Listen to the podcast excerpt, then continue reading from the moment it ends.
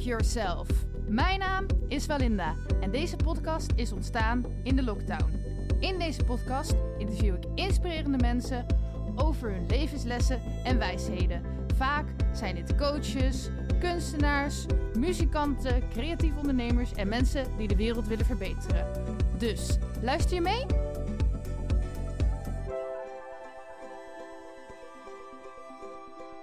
Hebben we weer een nieuwe gast in de podcast. Dit is echt gewoon, eh, volgens mij begint elke podcast met deze zin. Maar eh, wie ben je? Hallo allemaal, ik, ehm, ik ben Jorrit. Ik ben ehm, schrijver, muzikant, marketeer. Ehm, ja, dat is eigenlijk in de notendop wie ik ben. Ja, ik denk eh, voornamelijk schrijver, dat dat wel eh Hm. overkoepelende is van wat ik allemaal doe. Ik moet zeggen, ik had natuurlijk wel een beetje research naar gedaan. Mhm. Maar schrijver had ik nog niet per se... Ja, waarschijnlijk schrijf je je liedjes. Ja. En als marketeer schrijf je. Maar ik was gewoon vergeten om jou te zien als schrijver. Ja, nee, dat snap ik. Dat snap ik. Waarom ben je Ehm, zeg maar schrijver volgens jou? Alleen daarom? Of...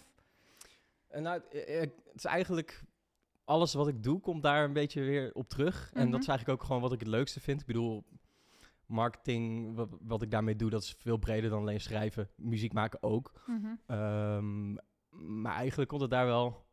Dat is wel waar, waar mijn echte passie ligt, zeg maar. Oké, maar schrijf je nog meer dan muziek en marketingteksten? Ehm, ik, heb, ik heb veel verhalen geschreven, maar Mhm. doe ik nu eigenlijk niet meer zoveel. Mhm. Maar dat is denk ik ook gebrek aan tijd en prioriteit, denk ik. Maar wat voor verhalen moet ik dan aan denken? Echt, eh, Fictie vooral, ja. Maar ook wel vaak, zeg maar, ja, het ligt wel vaak dicht bij mezelf. Maar je hebt nog nooit een boek geschreven? Of zo? Nee, Oh. nee, wel heel veel gestart, maar... Nooit afgemaakt. Nee. Dat hebben meer creatieve mensen met dingen. Dat Ja, en toen, eh, toen heb ik wel een tijdje, eh, ben ik overgestapt op short stories. En ik dacht van, hé, dat kan ik wel afmaken, maar dat is ook weer een beetje Mhm. weggevallen. Oké, maar je kijkt er een beetje bij alsof je dan denkt, oh shit, ik heb het niet afgemaakt. Maar kijk, je kan gewoon niet alles tegelijk, hè? En Nee, volgens mij zijn nee, er nee. andere dingen die heel goed gaan. Dus dan is het logisch dat, dat je niet alles tegelijk kan. Ik had er ook wel vrede mee, eh, omdat ik mijn ei met schrijven wel in andere dingen kwijt kan. Ja. Dus, dat, ja, dus dat is wel prima. Maar het is denk ik wel eh, gewoon toch iets wat ik ooit wel wil doen. Mhm. Of, ja. Maar schrijven, kan je ook nog doen als je opa bent. Ja, zeg maar. ja, en ja, Dus muziek maken eh, ook, maar ik weet niet. Ik vind mu- muziek maken meer voor jonge mensen. Of misschien ben ik echt heel veroordelend. Maar dan schrijven, toch? Of, Nou ja, het is gewoon wel hoe, eh, hoe het normaal gaat. Maar ja, eh, waarom kan je dat niet doorbreken? ja, dat? is in principe Er zijn ook genoeg voorbeelden van muzikanten die juist op latere leeftijd heel populair zijn geworden. Ja. Ehm, en schrijvers maar die op jonge leeftijd... Nou, beginnen, maar... dat is Nee, cool maar- dat je gewoon nee, je nee, nee, nog maar- nooit muziek hebt gemaakt. Ja, oké, maar dat, is- je dat, is, vijftigste dat of is wel wat anders. Want ik denk dat de meeste mensen die echt... Dat, nou ja, je kan wel later op latere leeftijd ook beginnen natuurlijk. Mhm. Maar eh, ik denk ook wel dat gewoon bijvoorbeeld die mensen die dan op latere leeftijd doorbreken... die zijn wel hun hele, hele leven bezig geweest met het maken van muziek in wat Ja. voor vorm dan ook. Maar Oké, maar ehm, wat is je missie op deze aarde? Een missie op deze aarde. Ehm, ik denk Ja. mensen inspireren. Mhm. Dat is wel waar ik echt heel veel voldoening uit haal. Mhm.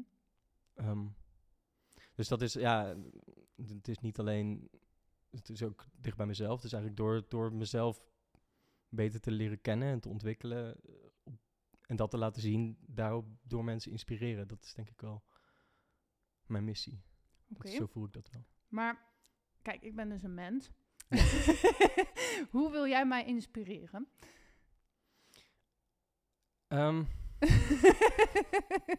nee, dat bedoel ik niet flauw. nee, nee, nee, nee, echt- snap ik, snap ik. Eh, nou, eh, ik bedoel dit ook niet flauw, maar Nee. ik, ik hoef niet per se jou te inspireren.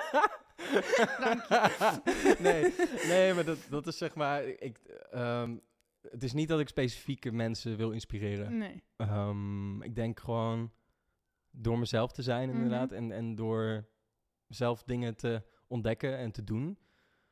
Dat eigenlijk te laten zien. En eh, ehm, ik vind het heel tof als mensen daar wat uit kunnen halen. En dat, dat ehm, doe ik op bewuste manieren en onbewuste manieren. Dus bewuste manier is bijvoorbeeld eh, sterrenstof. Mhm. Zo, zo kan ik misschien zo wel wat meer over vertellen. Nou ja, daarin inspireer je me in ieder geval wel. Dus dat Nou, kijk. ja. Ehm, maar ook gewoon door, door dingen te doen. Mhm. En eh, door bijvoorbeeld wat ik, wat ik, ja, ik zit in een band, Enkelbiders. En wat ik daarmee doe, gewoon dat verder ontwikkelen. Ehm, en dan, ik heb wel eens iemand die naar me toe kwam daarna, na een show of whatever. En die echt van, oh, ik vind het zo vet wat jullie doen. En dat, dat eh, ja, daar, word ik door geïnspireerd. Of daar, daardoor eh, krijg ik ook meer motivatie Mhm. om daar verder mee te werken. En dat is echt, dat geeft mij echt een heel eh, fijn gevoel. Dat, dat Ja. vind ik heel tof. Mhm. Ja. ja, en misschien zijn er nog wel meer mensen die het niet eens tegen je zeggen. Dat kan ook nog. Ja, Ja. Tenminste, ik heb ook wel eens mensen in mijn leven gehad waardoor ik me heel erg geïnspireerd voelde, die dat misschien wel helemaal niet weten. Even kijken. Ehm, je band heet dus de Enkelbiters. Hoe komen jullie aan die naam? Nou, Daniel... Nee, dat ga ik niet vertellen. Ehm, nee. Eh, waar die naam, bandnaam vandaan komt, Ja. is eh, van, een, eh, van band Paramore. Die heeft een nummer genaamd Enkelbiters. Oh ja, ken de band Paramore ken ik wel. Ja, ja, het is een beetje een deep cut. Ehm, wel echt een hele vette track, dus ik zou hem zeker eens luisteren. Maar eh, ja, we hebben echt... We hebben hiervoor twee andere namen gehad. In ieder geval in de tijd dat ik in deze band zat. Ehm, en uiteindelijk hadden we een hele andere formatie. En wilden we een iets... Want, eh, hiervoor heten we Ignition.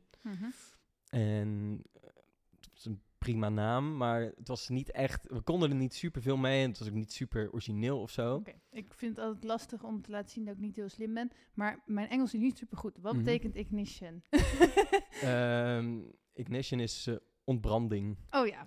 Dus, eh, en het wordt vooral ook... Ja, ignition is volgens mij ook wat vooral in uh, autotermen. Nu ben ik daar zelf niet zo heel erg aan thuis. Maar Mhm. dat, het ontvlammen van de motor van Mhm. De auto. Ja. Eh, dus eh, wel, wel lekker punk, lekker rauw, maar niet helemaal wat... zeg maar, ja, we konden niet super veel mee. En het was niet super origineel. Mhm. Eh, dus toen zijn we gewoon gaan brainstormen en heeft iedereen... nou, we hebben echt... ik weet niet hoeveel tientallen namen opgeschreven. Ehm, en eh enkelbiters, daar kwam Daniel mee, de bassist. En dat vonden wij wel echt een toffe naam. Ik, Ja. vond, ik vond, vond het meteen een hele toffe naam. Mhm. Maar betekent dat, ik voel me als het niet zo is, betekent dat dan ook enkelbijters? nou, het betekent eigenlijk die, die, die Eh. kleine hond die, eh, die je misschien hoort Oh. blaffen in, in deze podcast. ja, Nee, Dat is een enkelbiters wo- enkelbijter. ja, dat wordt eigenlijk gebruikt voor kleine, Oh. kleine hondjes of, of kleine kinderen ook. oh, Dat is daar een beetje een term voor. En een beetje op een vervelende had er manier. toch bij ik, wil niet, je, je- ik, wil, ik wil nu niet je hond beledigen, maar volgens mij wordt het vooral een beetje op een kleinerende manier gebruikt. Ja. Oh, enkelbiter. ja. oké. Heb je dan ook een hekel aan mijn hond? Nee, Oh, nee, nee, die vond ik heel leuk. Snap ik. En v- ja, ik zit even te denken. Dus je zit met vier mensen in een band? Vijf. Vijf, oh sorry. En eh, hoe kennen jullie elkaar? Ehm, nou, hoe het allemaal bij elkaar is gekomen, dat is denk ik best een lang verhaal. Uh, maar ik kan wel vertellen hoe ik uh, bij de band kwam. En dat is eigenlijk... Uh, ik ging op uh, een half jaar studeren in het buitenland. In Zweden. En echt, toen was ik volgens mij net weg of net nog niet weg. Toen kreeg ik een appje van een vriend van mij. Uh, van, yo, een vriend van mij heeft een band en zij zoeken nog een zanger. Vind je dat leuk? En toen had ik echt zoiets van... Oh, dat vind ik eigenlijk wel heel tof. Ik heb daarvoor wel, ik heb hiervoor ook wel in, in een band gezeten, of in bands. Uh, en dat begon eigenlijk zo, wel weer wat knagen, maar het kwam gewoon op een heel slecht moment. Um, dus toen ben ik gewoon, nou, gaan studeren. En een half jaar later, toen ik weer terug was in Nederland, toen knaagde dat nog steeds eigenlijk heel erg. Ik dacht, oh, ik wil hier echt wel wat, weer wat mee doen. Dus toen heb ik hem gewoon weer een app gestuurd van, hey, staat de nog open. Mhm. en uh, dat was het geval. Dus toen uh, ben ik ja, daar uh, mee gaan doen. En dat, dat klikte eigenlijk al best wel snel heel goed. Um, ja, en dat is eigenlijk...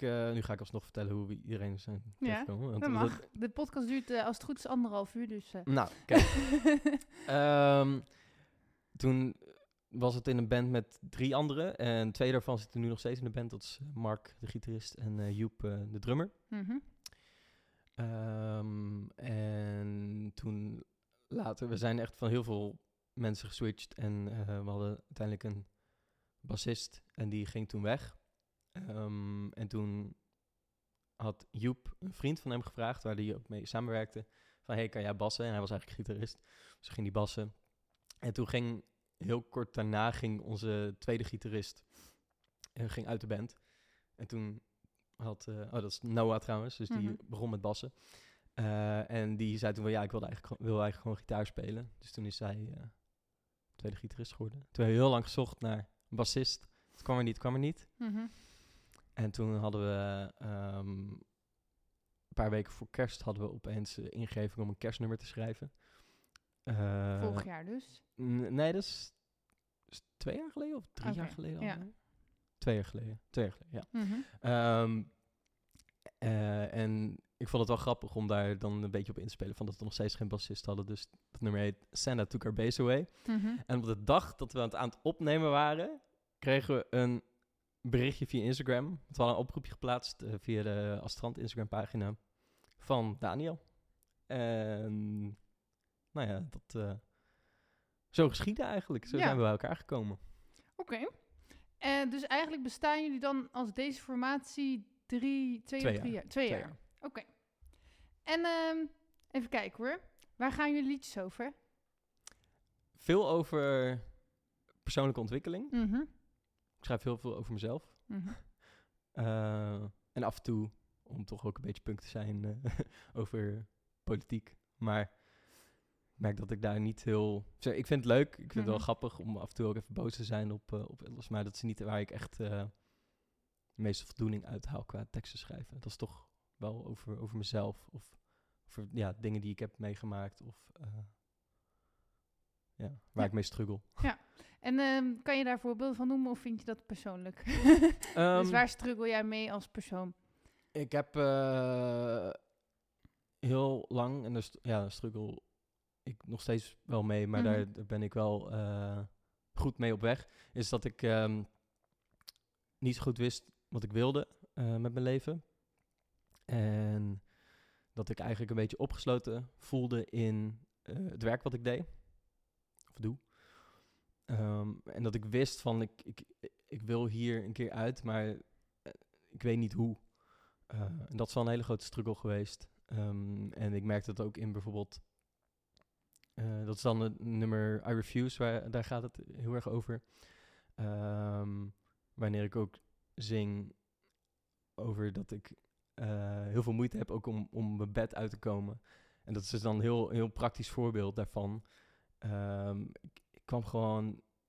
Ik was gewoon constant snoezen en ik kwam gewoon mijn bed niet uit. Ehm, omdat het gewoon... Ik, ik wilde niet wakker worden in die realiteit waar ik zat. En dat klinkt wel heel zwaar. Ja, ik weet dat heel, ik, maar geloof mij, de, ik herken me hier heel erg in. Ja. Dus, dus eh, voor mij is het niet zwaar, maar ik snap wel wat je bedoelt van... Ja, het klinkt wel gelijk alsof je per direct dood wil zo. Misschien was dat soms ook wel zo.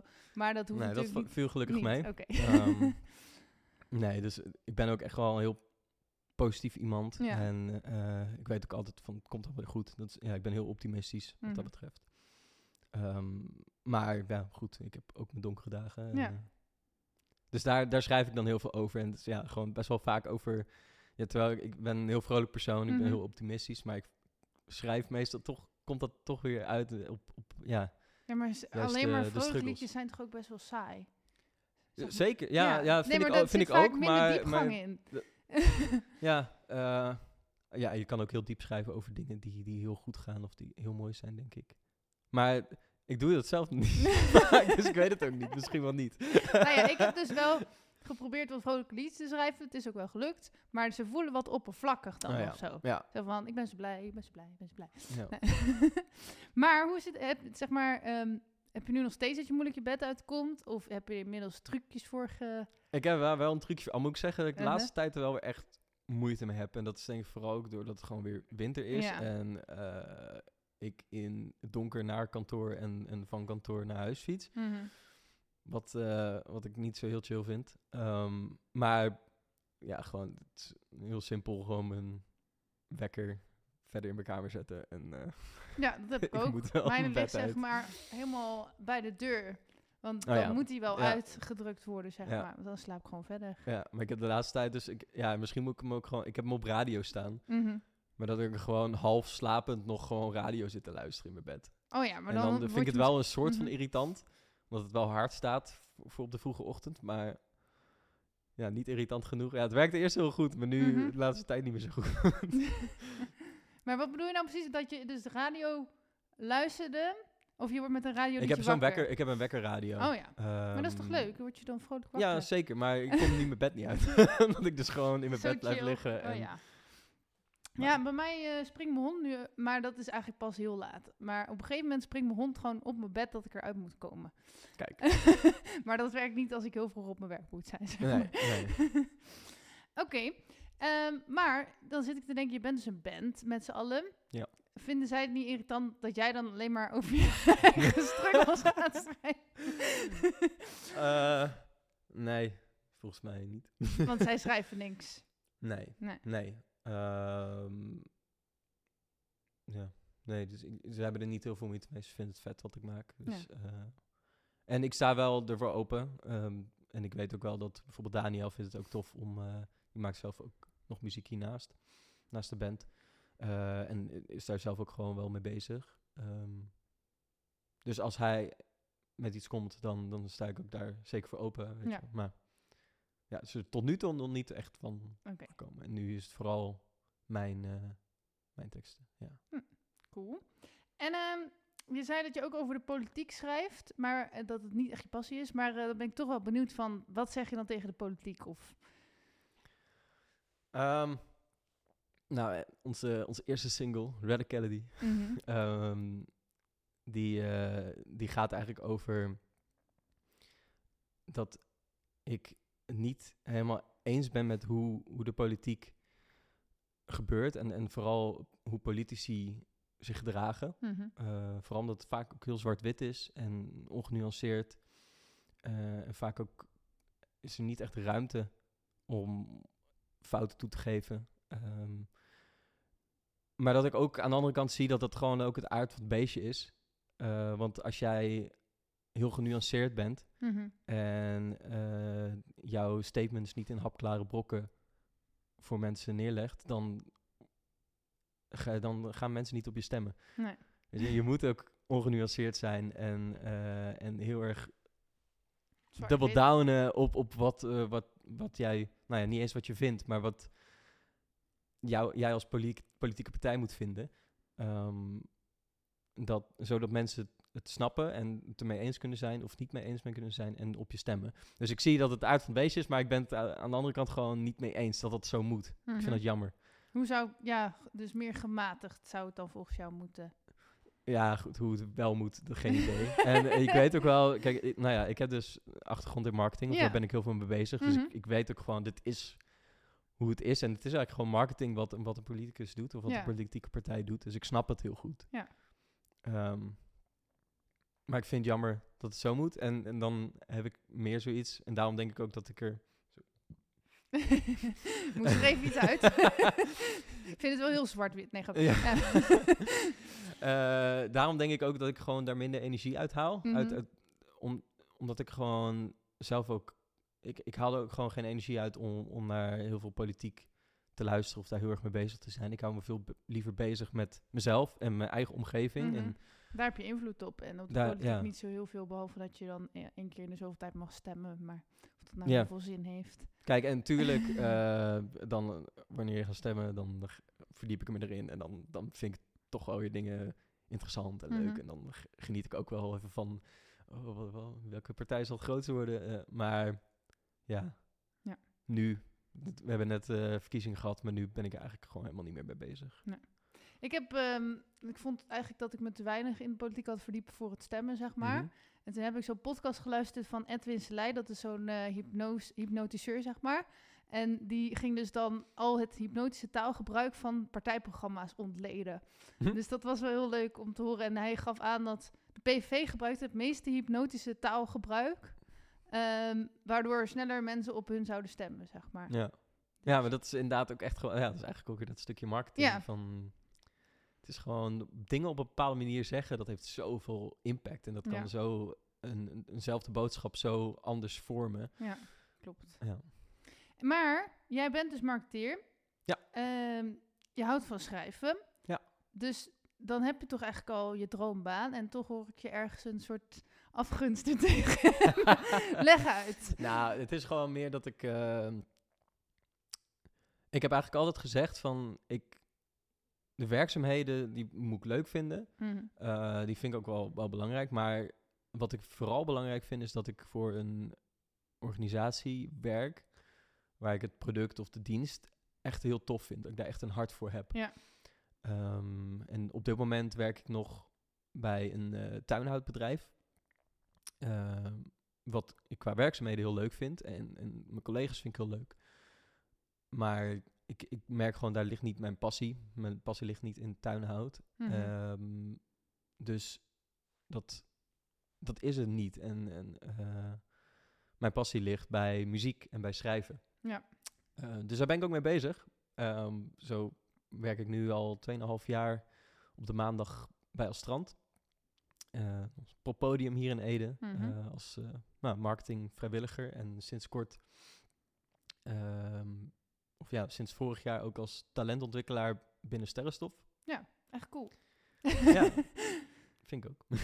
Ja. en, eh, en wat ook heel cool is, is dat wij sinds eh, november, of ja, in 25 oktober kregen we dat te horen dat we een eh, subsidie hebben gekregen voor, eh, voor talentontwikkeling, voor sterrenstof. Ja. Ehm, en daardoor kan ik nu de komende twee jaar, tweeënhalf jaar, krijg ik ook betaald voor die functie. Eh, voor één dag in de week. Dus dat is echt heel vet. Ja. En dat is eigenlijk echt wel wat ik wil. ja. En daarmee heb ik ook de stap gezet om eh, te stoppen bij Van de Top. Mhm. Bij eh eh dus het tuinhoudbedrijf. Mhm. Eh, dus per 1 januari ben ik eh, vrij. nee, eh, ja, en dan ga ik me volledig focussen op, eh, op eigenlijk talentontwikkeling en, en, en, branding van artiesten. Maar wacht even, hoeveel, dat kan je echt gewoon meerdere dagen doen ook? Niet bij, bij Sterrenstof. Oh. Nee, nee, nee. Dus dat is nog het spannende. Ik heb, ik heb nog niks anders daarnaast. Ehm, maar ik heb gewoon wel die keuze gemaakt omdat ik dacht van ik, ik, ik moet hier gewoon dit gewoon proberen. Ik moet gewoon kijken van hey, als ik als ik mij volledig inzet hiervoor, ehm, wat, wat gebeurt er dan? Ja. En dan heb ik het ook dus over, over dingen die buiten als strand buiten sterrenstof liggen. Ja. Ehm, want ja, daar is gewoon simpelweg geen geld voor dat ik daar mijn hele week eh, kan besteden. Mhm. Eh, wat ook prima is, maar eh, ik had nu ook gewoon niet de tijd, of ja, misschien is dat, zit dat ook in mijn hoofd, maar Mhm. Om eh, me te focussen op, op andere plekken, om, om te ontdekken van hé, hey, waar kan ik nog meer ehm, mijn passie kwijt. Mhm. Dus ik heb de keuze gemaakt van ik, ga stoppen bij Van de Top. Dan heb ik gewoon echt heel veel vrije tijd ook om er daarmee bezig te gaan en daar volledig op te focussen. En dan zien we wel waar het schip strandt. Maar wel echt een coole functie. Ehm, maar wil je trouwens nog even uitleggen voor de mensen? Kijk, als strand heb je al een beetje uitgelegd dat het het poppodium is Ja. in Ede. Maar wat is nou sterrenstof? Ik weet Ja. het heel goed, want ik ben er nu heel vaak geweest en ik ben helemaal fan. Maar ja, misschien zijn er wel mensen die luisteren die denken... ah, daar moet ik iets meer van weten of moet ik naartoe? Of die snappen het niet, maar als ze het dan weten, gaan ze er naartoe. Hoop ik. Ja. Ehm, Sterrenstof is een eh, talentontwikkelingsprogramma eh, Mhm. binnen Astrand voor artiesten. Ehm, en waar we eigenlijk gewoon, nou ja, je handvaten geven om eh, verder te werken aan, eh, aan jouw muzikale carrière. Mhm. En dat doen we onder andere door panels. Eh, die doen we maandelijks. Ehm, en dan gaan we in op verschillende onderwerpen, zoals van nou ja, promotie, hoe pak je dat aan? Of het uitbrengen van muziek. Of ehm, hoe hou je subsidies binnen? Of hoe hou je überhaupt geld binnen om, om de dingen te doen die je wil doen? Eh, en dan nodigen we eigenlijk gewoon professionals uit de muziekindustrie uit, die daar veel over kunnen vertellen. En dan zit ik daar samen met eh, Pieter Kwant. Die was ook in mijn podcast. Die Heb je die gehoord? Ja, die heb ik gehoord. ja, ja. Ehm, eh, zit ik daar op de bank en nou, stel ik eigenlijk allemaal vragen. Ehm, om, nou ja, zo mensen in de zaal te inspireren Ja. eigenlijk. En ideeën te geven om, om verder te komen met die muzikale carrière. Ja, ik, vind, ik ben heel erg fan. En natuurlijk gewoon omdat ik ook zelf muziek maak en zo. Maar vooral ook gewoon...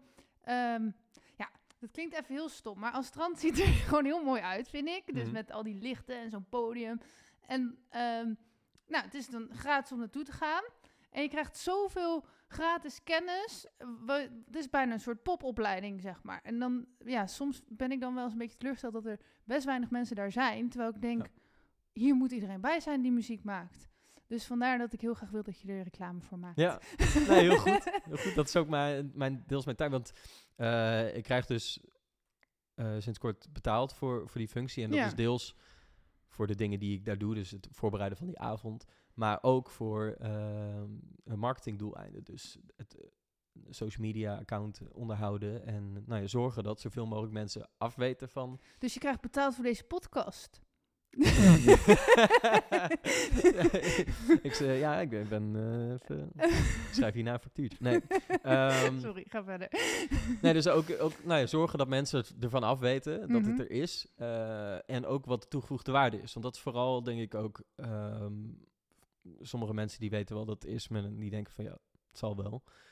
Ehm, en dat wat ik ook heel goed snap, want eigenlijk is het ook eh, nu, vind ik zelf, nog, als je er niet zelf bent geweest, is het ook lastig om echt te weten wat, wat haal ik hier nou uit. Ja. Eh, dus daar ben ik wel echt mee bezig om daar plannen voor te maken van hey, hoe kan ik ervoor zorgen dat ik eigenlijk gewoon dingen uit die panelavonden pak en, en dat via de social media kanalen aan mensen laat zien van hey, dit, dit krijg je als je naar Sterrenstof komt. Ja. Eh, en tegelijkertijd ook de mensen die er zijn geweest gewoon nog een keer opnieuw van hey, dit, eh, dit hebben we geleerd van dit Ja. panel. Maar Ja. ik, dan, eh, als we er te lang over praten, moet ook zeg maar, volgens mij mag ik mijn podcast alle kanten op, want het is mijn eigen podcast. Ja. Ehm, en ik vind het leuk om erover te praten, dus eh, brand los. Nou, ehm, ja, maar ik weet niet hoe leuk het is voor luisteraars die helemaal geen idee hebben waar we het over hebben. Maar goed, Ehm, dan kan je dan niet mensen gaan filmen? Eh, sowieso van, dus dat je de, de avonden filmt wat ze aan het doen zijn. En, en daar dan samenvattingen van maakt. Want ik denk dat dat het beste zou werken. Trouwens, ik moet hier ook filmen, maar ik heb gewoon geen camera. Ja. ja, nee, zeker. Dat is, eh, dat is een zekere manier. En daar wil ik ook naar kijken van, hey, hoe kunnen we dat doen? Ik heb nu eh, met de laatste panels eh, als tussenoplossing heb ik het gewoon opgenomen met mijn telefoon. Ja. Ehm, nu nog niet veel mee gedaan, maar eh, nou ja, daar ga ik wat mee doen. Ja. Eh, dus om daar gewoon snippets uit te halen of, of gewoon ideeën die ik dan weer kan delen. Ja. Ehm, want nou ja, ook als je daar op de bank zit, eh, je krijgt wel veel mee, maar je bent ook vooral heel erg bezig met het verzinnen. Ook wat, welke vraag ga ik nu stellen? Ja. Of communiceren met mensen in de zaal eh, en met ja, een gesprek op gang houden eigenlijk. Mhm. Ehm, dus het is juist ook wel heel nice om het weer terug te horen. En van, oh ja, dit is verteld, dit is verteld. Ehm, voor, ik leer er zelf ook heel veel van. En dat is dus het leuke ook aan, aan mijn functie daarin. Dat ik dus ook in een band zit die eigenlijk op, de, op een punt zit... waar wij heel veel kunnen leren van die professionals. Die, eh, ja, ja ik, ben, ik ben dan de host, maar ik ben eigenlijk ook een... Leerling. Leerling, en leraar tegelijk. Precies. dat is heel spiritueel, wist je dat? Goed. Ehm, even denken hoor. Ik heb nog meer vragen natuurlijk opgeschreven. Mhm. Maar ik hoef me niet per se aan mijn eigen lijst te houden. Eh, ja, hoe begin jij eigenlijk, eh, ik denk dan vooral met liedjes, met schrijven? Dus ehm, gaan jullie eerst muziek maken? Of ga je eerst iets schrijven? Of... En we gaan eerst muziek maken eigenlijk. Mhm. Ik heb er heel af en toe wel een, een, een tekst geschreven uit niets. Maar voornamelijk wat, wat voor mij het beste werkt, is er ligt muziek klaar. En daaroverheen ga ik eh, melodieën en teksten verzinnen. En hoe ik dat dan doe, is gewoon... Ik brabbel maar wat in... Dus ik ben eerst heel erg bezig met melodieën. Mhm. eh, waarin ik gewoon iets, iets zeg of... eh, maakt niet uit. Het hoeven niet eens echte woorden te zijn. En die vul ik dan... Later vul ik dat in met tekst. Ja. En dan, als ik daar, daarin denk van nou, ehm, de, deze tekst past beter, maar past niet bij de melodie, dan pas ik dat nog wel eens aan. Ehm, maar dat is eigenlijk vooral hoe ik het doe. Ja. Ja. Ja, ik, als ik muziek maak, doe ik dat meestal ook. Maar ik zit te denken, eh, ik vind het altijd heel eng om dan spontaan tekst van me af te schreeuwen, zeg maar. Want ja, straks schreeuw je hele gevoelige persoonlijke dingen. Dat je denkt, oh god, hier moet ik me voor schamen. Heb je dat ook of helemaal niet? Nee, valt wel mee. Maar het ligt Oké. ook wel aan eh, bij, Bij wie? waar het is. Ja. Ehm, dus maar bij de band voel ik me daar wel comfortabel bij. Maar ik, eh, vaak Mhm. is het echt gewoon, echt, zeg ik helemaal niks. Nee. Ehm, Maar als de eerste teksten dan wel komen, dan... zo, ja, ja. Want soms dan heb ik ook wel gewoon dat er een tekst juist komt. Of dat er een, een zin komt dat ik denk van, hé, hey, dat is eigenlijk wel vet. En dat ik juist ook daar dan een hele eh, tekst omheen schrijf. Maar dat doe je dan meestal wat later, dat je Ja. iets langer... Oh ja. Ja. Nee, ik hoop dan altijd dat er gewoon spontaan, spontaan in één keer zo'n liedje... Hmm. Ja, ik noem het altijd gedownload wordt. Ja. Ik maak zo'n beweging Ja. dat het van de wolk af komt glijden. En ehm, ja, maar dat lukt dan natuurlijk niet in één keer. Maar dan wil ik toch tekst eruit gooien. En dan Mhm. ben ik altijd bang dat ik hele rare dingen zing. Ja, ik ben er denk ik zelf ook gewoon niet zo heel veel mee bezig. Maar in het moment dat ik echt die melodie aan het schrijven ben, ben Ja. ik niet heel veel bezig met tekst. En af en toe komt er wel eens wat. Ja. Maar tekst schrijf ik meestal echt daarna, terwijl ik eh, zelf op mijn kamer zit of whatever. Ja. Of soms op de fiets. Dat, eh, ja, maar dan kun je het niet opschrijven. nee, dan moet ik het onthouden en dan als ik klaar ben met fietsen, dan schrijf ik het op. Oh ja. Maar ja, dat gaat dan niet over hele teksten. Meestal doe ik op de fiets, vul ik dingetjes in die wij, nou als een tekst bijna af is of zo, dat ik gewoon daarover nadenk. Ik heb wel eens dat ik liedjes droom. Echt? Ja. En dan word ik dus midden in de nacht wakker. En dan heb ik net dus een liedje gehoord. En dan moet ik dat dus even snel op mijn telefoon Oh in. Ja.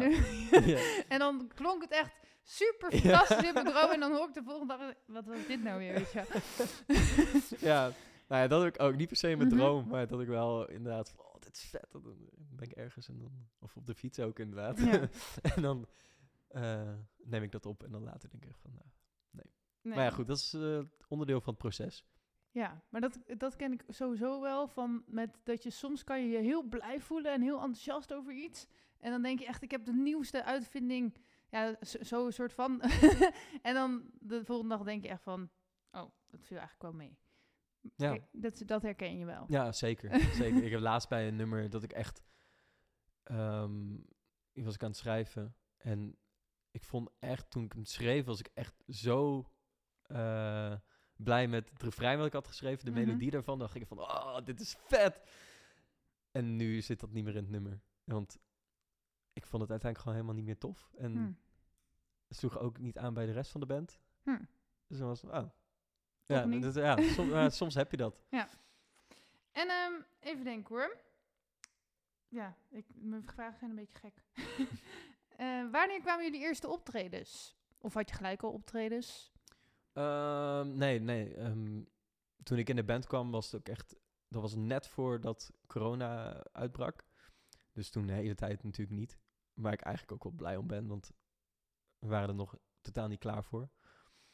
Eh, in mijn optiek. Maar ja, wanneer ben je er wel klaar voor? Dat is ook weer een vraag die je kan stellen natuurlijk. Ja. Ik, Eh, ik heb wel een beetje de visie, je moet gewoon gaan. Ja. En dan wordt het steeds beter. ja, nee, zeker. zeker. Eh, maar ik denk dat juist door corona hebben we wel gewoon heel erg tijd gehad om, om te ontdekken hoe het zit en, en wat werkt en wat niet werkt. Mhm. En ik had toen had ik ook nog helemaal, of ja, ik heb wel ooit, ooit daarvoor een beetje zangles gehad, maar als ik nu filmpjes van die tijd terugkijk, dat is zo anders dan ehm, hoe ik zong tijdens onze eerste optreden, zeg maar. En eh, daar zat dus ook heel veel zangles tussen. Dus eh, nou ja, daar ben ik op zich wel blij om. omdat we, we hebben wel meteen een best wel goede eerste indruk achtergelaten. Ehm, onze op eerste optreden was ook echt wel was echt fucking vet. Want dat, dat was op eh, Bevrijdingsfestival Wageningen, Hm, op Kabaal. cool. Eh, dus dat is wel heel cool dat dat onze eerste optreden was. Ja, dat is niet klein. Nee, nee. eh, stonden wel als eerste, maar goed. Dat, dat, eh, Maar dan, ik weet niet hoeveel optredens je daarna nog hebt gehad, maar ik kan voorstellen dat die dan misschien wat kleiner waren. En dat dat misschien dan juist een teleurstelling is, want dan ben je heel groot begonnen. ja, maar heel eerlijk gezegd, Ja? dit klinkt, nee, ik wil niet ondankbaar klinken, maar ik, ik vond eigenlijk wel een van de mindere shows. Oh. Maar dat is meer, het was echt gewoon het idee en gewoon, het, het, is, het was heel vet dat we gewoon op 5 mei stonden. Mhm. Met gewoon vette bands die na ons kwamen ook. Dat we op diezelfde bil stonden. Dat is echt insane. Maar nou ja, wat ik zei, we stonden als eerste. Mhm. En de meeste mensen eh, die voor ons stonden waren vrienden en familie. Ja. Wat prima is. Mhm. Maar zeker als je dus zo'n grote eh, ruimte hebt waar veel mensen kunnen staan. Oh, en die stonden er niet. Nee. Oh, dat is nee, wel jammer, je- ja. we s- speelden om één uur of zo. Dus iedereen Oh, is ja. nog aan het indrinken. Ja. Eh, dus eigenlijk optredens daarna waren veel vetter. Ja. Dat had ik een beetje bij ehm, Summer Beach eh, Festival. Oh ja. Was ik zeg maar, had ik gevonden dat ik daar mocht spelen. ja. En toen stormde het de hele dag. Mm. Dus het was überhaupt de vraag of het doorging. En toen ging het door, maar toen was het echt... Ik weet niet precies, was het nou om zes uur s'avonds? Nou, in ieder geval, het was echt rond etenstijd. Mm. En dat heel even droog was. Nou, toen stonden er ook echt alleen maar een paar vrienden van mij te kijken. Dan heb je zo'n grote ruimte. Dat is... Maar goed, ik vond het alsnog leuk om op dat podium te staan. Ja, ja nee, dat, dat staat als een paal boven water. Het was nog steeds echt heel vet. Ja. Maar als ik het vergelijk met andere shows... Maar, eh, oké, laatst heb je natuurlijk een hele vette show Ja. gehad. ja, Ehm, maar zeg maar, tot die tijd, eh, had je toen een groot publiek of meer kleine groepjes? Ehm, het verschilde wel. Het was, ja... Het was over het algemeen best wel, best wel druk, maar het is, ja, hing gewoon een beetje ook van de grootte van, van de plek af. Dus Ja. we hebben wel nee, in kleine cafeetjes. ehm, heb je, is het natuurlijk al veel sneller druk dan ehm, op het podium bij, als, zoals als strand. Mhm. Ehm, maar ja, over het algemeen eh, loopt dat best wel goed. En dat is echt wel heel tof. Zijn, we hebben nog niet heel veel optredens gehad waar we echt maar weinig mensen stonden eigenlijk. En ehm, laatst dus. Ja. ik echt elke keer als ik jou ernaar vraag, dan, dan komt er echt heel veel energie zo van je afstralen. Ja, dus oh. vertel over laatst. Ja, laatst hadden we onze release show in, Mhm. eh, in Luxor, in de bovenzaal. En dat, ja, dat was echt zo geweldig. En nou, de reden dat ik zo straal is ook gewoon dat... Ja, dus ik, ik denk oprecht wel een van de beste avonden in mijn leven. Het was echt... Het was gewoon vooraf al, voordat we überhaupt op het podium stonden... eh, kon, ik kon me echt heel erg on- ontroeren om de hoeveelheid mensen die er opkomen dagen. Dit was de eerste show die we, waar, waar mensen echt tickets voor moesten kopen. En zoveel mensen die kwamen, eh, echt heel veel bekende gezichten die ook bijvoorbeeld uit... We hebben wel best wel wat shows in Wageningen gedaan. Ook gewoon mensen die vanuit Wageningen dan naar Arnhem kwamen. Ehm, en nou ja, gewoon heel veel vrienden die er waren. Dus ja, dat was gewoon al zo insane. Ik keek ook naar de, de rest van de band. En, eh, de- eh, ik had het inderdaad ook met Daniel over van tevoren. Van, eh, dat we echt elkaar aankeken van... Dude, dit is echt zo insane. En dan sta je op het podium en dan gaat het los. eh, echt van begin tot eind. Het- ja, ja, niet te beschrijven eigenlijk Nee. hoe, hoe dat voelt. Maar Mhm. dat is echt... Dus alles ging ook precies zoals je van tevoren had bedacht. Dat niet per se. Oh. Zo klinkt het een beetje, van alles ging helemaal in flow. en- Eh, nee, nee, nee, nee. Ehm, en op de avond zelf, maar bijvoorbeeld, eh, ik zat er qua, qua stem niet helemaal lekker in, Mm. merkte ik. Oh, En dat is wel belangrijk gewoon- als je ja. zanger bent. Ja, Klein detail. maar goed, dat zijn ook allemaal dingen, dat, Uh-huh. dat merk je vooral zelf op. Er was wel bij één nummer dat het echt wel, eh, dat ik echt niet zo, dat was ook aan het einde van de set. Ehm, en nou, voor de mensen die ons niet kennen, we hebben best wel energie, een energieke live show. Eh, en dat vraagt af en toe ook echt wel veel van, eh, eh, van ons. Ja, want je hebt niet een rustige bellen ertussen zitten, denk ik. Nee, Nee. nee.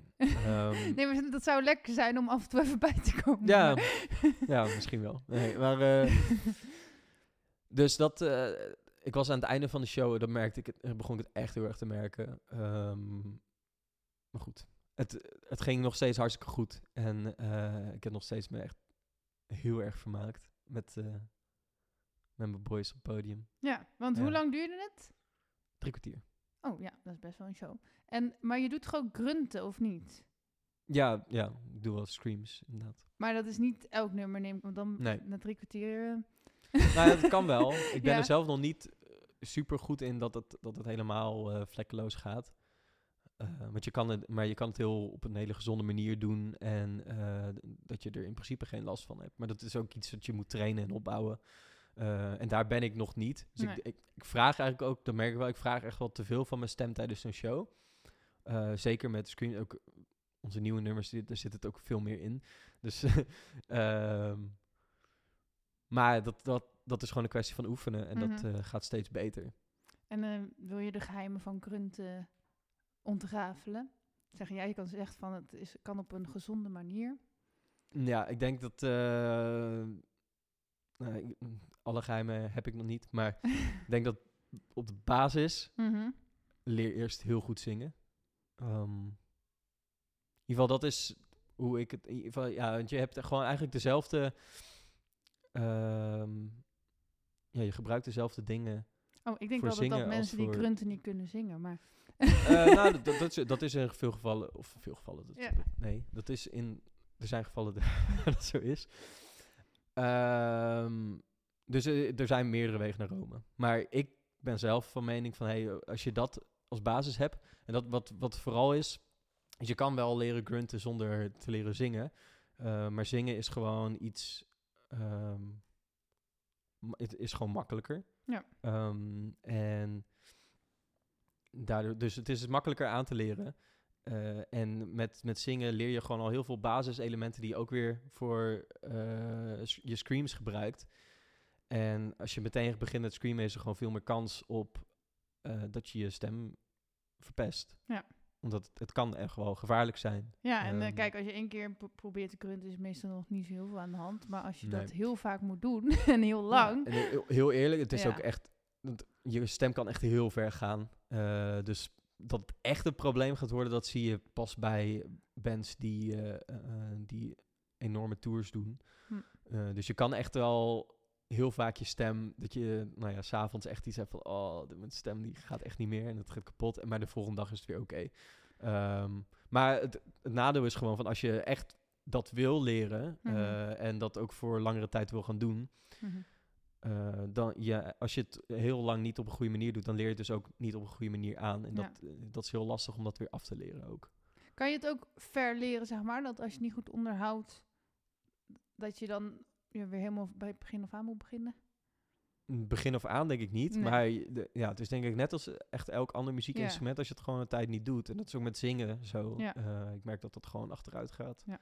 En als je dan weer veel gaat oefenen, dan eh, ehm, ben je vanzelf weer op het, op het juiste niveau. En dat, daar ben je best wel snel weer, maar je Ja, moet het zeker eigenlijk ook onderhouden. bijna een soort topsport, hè?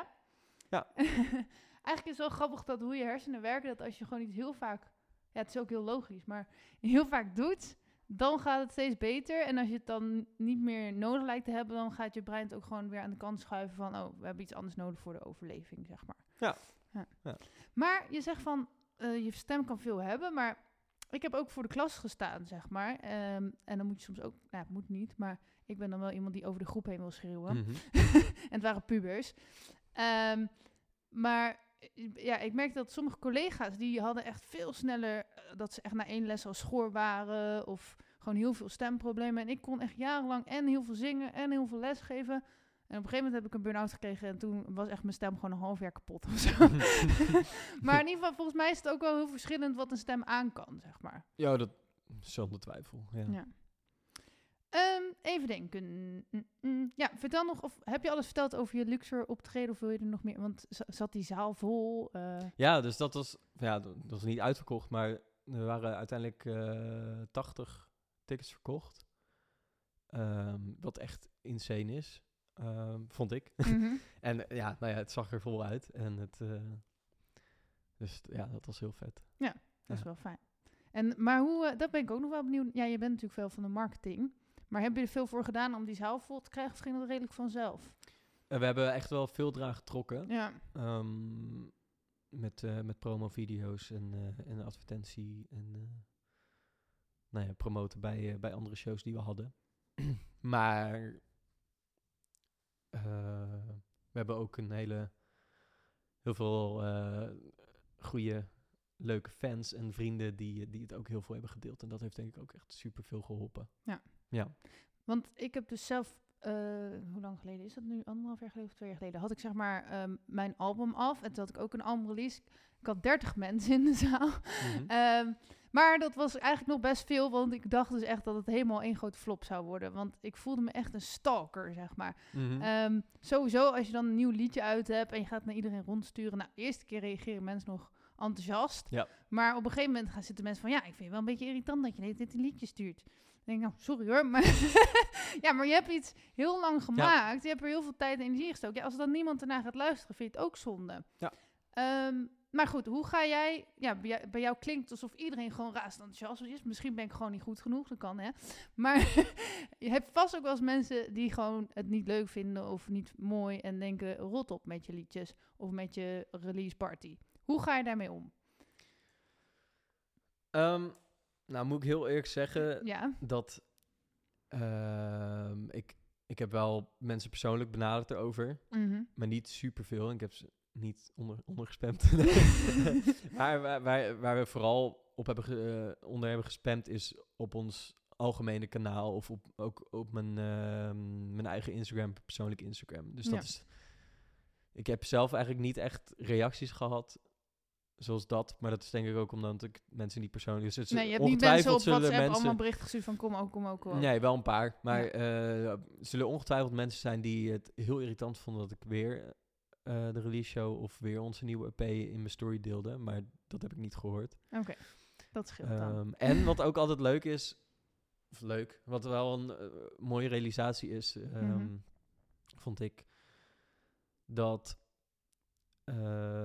ik heb bepaalde dingen, dus bijvoorbeeld die release show, heb ik echt heel vaak gedeeld. En nog waren er mensen, ook gewoon die Die best wel dichtbij me, me stonden en Ja. die me volgen op social media, die het gewoon, dan, dan had ik het erover van, oh ja, en dan een Luxor. Oh, speel je Luxor? Ja. Ik ben er al maanden over aan het praten, maar... Maar dat is gewoon, eh, en ja, je bent er zelf zoveel mee bezig dat je soms eh, vergeet dat, dat andere mensen gewoon een leven een, hebben. een leven hebben. ja, niet zoveel op social media zit als jij. ja. Nee, maar da- daardoor had ik wel zoiets van, ah, eh, fuck it, ik, ik deel het ook gewoon echt vaak. Ehm, en ja. Ja. Nou ja, goed. En als mensen het echt irritant vinden, Mhm. dan ontvolgen ze me maar. Nou, in ieder geval, dat merk ik dus bij mezelf. Nu dus met... Nou, op dit moment heb ik niet zoveel gemaakt om te delen of zo, hoor. Maar dat ik op een gegeven moment dus echt moe werd van mijn eigen gezeur. ja. Van luister alsjeblieft mijn liedje. Kom maar alsjeblieft naar mijn optreden. ja. En dat ik daar nu een beetje... Als ik bijvoorbeeld een optreden heb of zo... Dan ga ik het wel aankondigen. Maar ik ga niet meer iedereen appen van kom, kom, kom. Omdat ik gewoon denk van ja... eh, mensen moeten ook gewoon een beetje vrijwillig komen hoor. Anders Ja. heb ik geen zin meer in. Nee, precies. Dus uiteindelijk is het ook gewoon het belangrijkste dat mensen weten dat het er is. ja. Eh, en je kan heel veel spelen met wa- wat je te bieden hebt eigenlijk eh, bij Mhm. dat optreden. Dus we hebben met eh, die release show hebben we een, een promo video gemaakt waarin we eigenlijk een beetje... We hebben bepaalde elementen van onze EP-cover hebben we in het echt nagemaakt. Dus we hadden een driewieler en een, eh, eh, een schilderij van een hart. En eigenlijk hebben we dat op een... eh, eh, hebben we in Huis Kern hebben we een promo-video gemaakt dat het een expositie was voor de show. En waar we die elementen in lieten zien, zeg maar. En dan, nou ja, wat wij daar in ieder geval hoopten mee te bereiken, is van mensen zi- zien dat en eh, zijn benieuwd van wat gaan ze daarmee doen. Ehm, dus op die manier. Dus Ja. ja. ja, want uiteindelijk inderdaad, het heeft geen zin om mensen constant maar te vragen van, yo, eh, kom, kom, kom. Of luister naar dit, luister naar dat. Eh, dus ja, uiteindelijk moet je gewoon op een creatieve, leuke manier laten zien van dit hebben we te bieden. Ja. En mensen moeten het weten en dan komen ze of komen ze niet. Maar, kijk, nu ben ik misschien een beetje een pessimist en heel negatief denkend. Maar mijn eigen ervaring is dus dat ik ooit heel enthousiast begon met, met liedjes maken en opnemen en weet ik veel wat. Maar op een gegeven moment, eh, want bijvoorbeeld zo'n filmpje maken, dat kost ook nog best veel tijd. En ook, ehm, dus kijk, ik kan van alles bedenken, dat is het probleem niet. Maar de uitvoering, Ja. als je dat ook nog naast werk moet doen en Ja. naast weet ik veel wat je allemaal hebt in je leven. En jij bent dan ook nog eens een band. Ehm, wat, wat ook voordelen kan hebben, want dan kun je de taken verdelen. Ja. Maar het kan ook een nadeel zijn, omdat je moet allemaal tegelijk kunnen. En iedereen heeft drukke levens. Ja. Nou, maar dat, je zit dus nog niet in een sleur daarin die ik dan heb ervaren. Nou, nee, ik, eh, ik, ik snap heel goed wat je bedoelt. Ja. Eh, met die promo-video bijvoorbeeld, we hebben gewoon het geluk dat Mark en Joep allebei zijn, eh, hebben ze eh, als AV's eh, specialist gestudeerd. Mhm. Ja, en die hebben heel veel met video en video's bewerken. Oh, en, dat is wel een voordeel, Dat vinden ja. ze super tof. En Ja. met, met opnemen. Ehm, eh, mij moet je dat ook niet vragen. Zij moeten sterrenstof komen filmen. Ja, eigenlijk wel. Ja. Hm. Goed, ga Maar, zeg maar, ja, dus- dus mij moet je ook niet vragen om een, om een video te maken, want daar ben ik dan echt heel lang mee bezig. Ja. En eh, dat is ook niet per se wat ik, wat ik wil doen. Nee. Dus in die zin, echt die taken verdelen is gewoon tof. Maar ja, daarin, als je, zeker als je in je eentje bent, je moet gewoon kijken wat voor jou werkt en eh, wat, wat vind jij tof om te maken en wat lukt ook. Ehm, en want anders hou je het ook niet vol. Nee. Je kan wel zeggen van, oh, video, dat, dat moet. Of eh, ik moet op eh, allemaal eh, korte video's maken op Instagram of op TikTok of whatever. Maar als dat niet je ding is, ehm, dan is het heel leuk dat het algoritme heel goed werkt. En dat, dat, eh, dat je daar een grote kans hebt om door te breken. Maar als het niet lukt, dan- je, je bent eigenlijk aan het concurreren met mensen die het wel heel tof vinden. Ja. ja, en, en die het wel heel goed kunnen. Ja. Ehm, dus ja, gewoon inderdaad dicht bij jezelf blijven en Ja. kijken van nou, dit vind ik tof. En daar mag je inderdaad echt wel natuurlijk in te ontwikkelen. Van, als ik video's maken wel heel tof vind, maar ik kan het gewoon nog niet, dan moet ik dat wel gewoon gaan doen. Ja. Maar ja, wel iets doen wat je echt leuk vindt. En dat, dat straalt er dan ook vanaf. Oké. Ik zit nog heel veel... oh, nou, nu, net had ik een vraag en nu weet ik hem niet meer. Eh, oh ja, stoppen jullie dan ook heel veel geld in die marketing, zeg maar? Of doe je dat allemaal... Valt wel mee. We hebben die, eh, die, eh, die video best wel DIY gemaakt. En we hadden het geluk, echt een dikke shout-out naar Huis Kernhem, dat ze ons gewoon eh, eh, daar lieten filmen. eh gratis over niets. Ja, Dus dat voor was hun echt- ook gratis reclame. Ja, ja, I guess. Maar nou ja, ze waren echt, echt super enthousiast. Het was heel tof om te zien. En de, dus, nou ja, en, en filmen hebben we zelf gedaan, edit hebben we zelf gedaan. Ehm, maar waar we bijvoorbeeld wel... We hebben dan een advertentie online gezet, maar ja, dat is ook niet... We hebben denk ik in totaal 30 euro daaraan besteld, besteed of zo, Oh, 25. ja. Eh, dus dat valt wel mee. Ehm, eh, foto's laten maken, dat, eh, dat kost natuurlijk ook geld. Maar over het algemeen valt het nog wel mee hoeveel we investeren wat marketing betreft. En andere dingen? Want nee, muziek maken kost best wel veel geld, Ja, vind ik zelf. Ja, ja, dus waar vooral heel veel geld in heeft gezeten, is het opnemen van de EP. Ja. Dat was echt wel een hele grote kostenpost. Maar hebben jullie dat gewoon gedaan van je eigen geld? Of hebben jullie gecrowdfund? Of hadden jullie een fonds? Hebben we van ons eigen geld gedaan. Zo. Dat kan je ook weer delen door vijf, hè? Dat ja, dat scheelt inderdaad. Ehm, mm, mm. ja, wanneer gingen jullie dan eigenlijk voor het eerst opnemen? Zeg maar, wanneer waren jullie er klaar voor? Eh, nou, we hebben zelf wel eerder wat opgenomen, maar echt opnemen in de studio, dat hebben we ehm, vorig jaar augustus zijn we de studio ingegaan voor de EP die we dus eh laatst hebben uitgebracht en waar we die release show in Luxor voor hadden. Ehm, dus ja, vorig jaar augustus. En wanneer was het af? Wat is, is het Eh, een grappige vraag? ja, nou, de, ehm, het was, denk ik, we waren er klaar met opnames in december. Maar waarom ik lach is omdat het echt wel lang heeft geduurd. Langer nou, dan we geloof hadden mij, ook ik ben ge- vijf jaar bezig geweest met mijn album. dus ik vind dat vrij vlot. Ja, Ja. ja.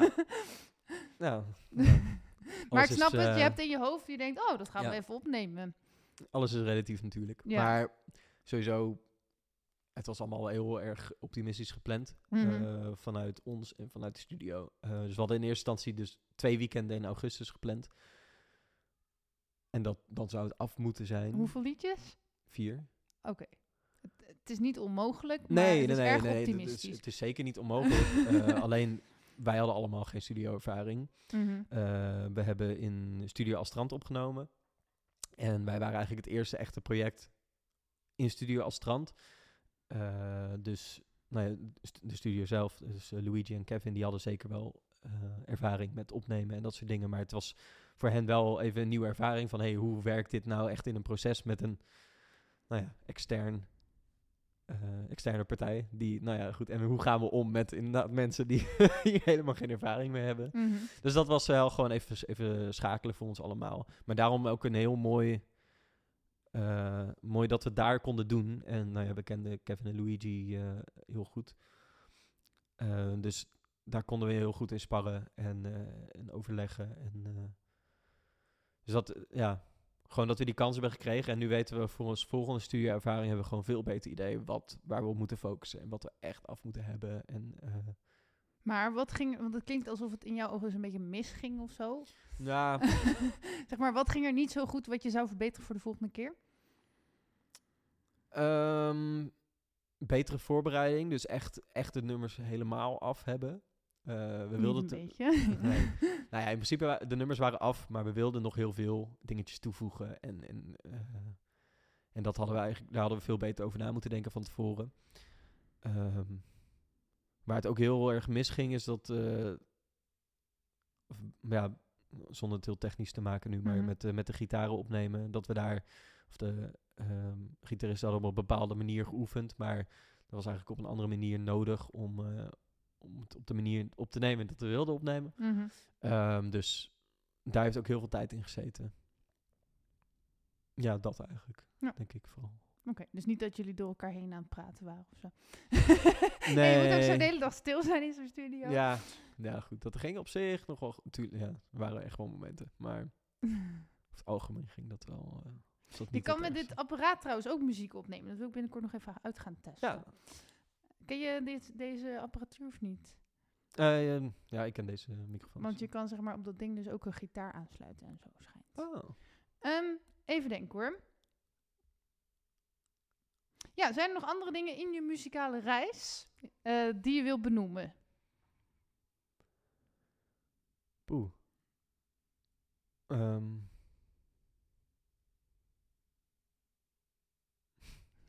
Het moet niet, hè? nee, Je mag ook zeggen pas. pas. Ja, nee, pas. Oké. En hoe oud was je toen je begon met zingen? Eh, mm, echt serieuzer zingen deed ik denk ik pas vanaf mijn veertiende of zo. Maar daarvoor was ik altijd wel, ik vond het wel altijd tof. En ik, ik deed het wel een beetje. Mhm. Ehm, maar nooit heel erg serieus. Ik denk ve- vanaf 14, 15 of zo. Toen zat ik in mijn eerste bandje waar ik dan... ehm, ga ik toch wat weer wat over mijn muzikale carri- carrière delen? Nee, mag. maar eh, ja, nee, zeker. Nee, in mijn de eerste- in- ja, nee, precies. Eh, eh, dus zat ik in een band met, ehm, met twee anderen. En toen, ik was niet de lead vocalist, maar eh, we wisselden een beetje vogels af. Maar ik was vooral daar gitarist in die band. Dus ik ben echt heel erg met gitaar begonnen. Maar nu Ehm, speel je helemaal geen gitaar meer of Nee, nou ja, niet in de band, maar wel in vrije tijd? ja. Nou ja, ik, ik, ik schrijf bijvoorbeeld wel ook, ik, ik help ook mee met, met de instrumentale dingen van de band Ja. schrijven. Dus daar doe ik wel aan mee op gitaar dan vaak. Mhm. Ehm, maar ik zou wel meer gitaar willen spelen. Dus is gewoon nu nog, heb ik niet de tijd of prioriteit voor. nou ja, ik kan dus een heel klein beetje gitaar, maar Mhm. ja, het, zeg maar, het schijnt dat ik eigenlijk nog best veel akkoorden kan. Maar toch heb ik gewoon niet de discipline om er echt wat van te maken, zeg maar. Ja, Ik vind gewoon, ja, bij zingen ligt mijn passie en bij schrijven. En die muziek is, ja, het is wel irritant, want ik ben altijd afhankelijk van andere muzikanten. ja, Maar ja, ik eh, snap het wel. ja. Nou ja, ik vind het wel tof om, om op gitaar te schrijven. ja. Ik had wel ehm, dat ik uiteindelijk gewoon ook juist heel leuk vond dat ik in deze band alleen zang kon doen. Want toen, Mhm. eh, toen ik bijkwam waren er twee gitaristen. Dus het was ook helemaal niet nodig om nog een gitarist erbij te hebben. Eh, in ieder geval niet met de muziek die wij maakten. Ehm, dus dat vond ik juist wel tof om, om me gewoon echt volledig daarop te kunnen focussen. En ik denk dat dat ook heel erg heeft geholpen met eh, eh, beter worden in zang. Maar ehm, je was dus 14 toen je in je eerste band ging. Ehm, ja, zoiets. hoe, hoe kwam je erbij om in een band te gaan? Ehm, nou, ik, eh, ik begon dus met gitaar spelen Mhm. eh, bij Cultura. En toen ging ik ook meteen op bandles. Eh, dus toen was ik denk ik 13 of 14. Ik Denk, ja. Ik weet niet meer zo goed. ik ben er heel slecht in met... eh, met, met- nou, goed. Maar eh, ik begon dus met gitaar spelen. Ja. Eh, in, en dus bandles.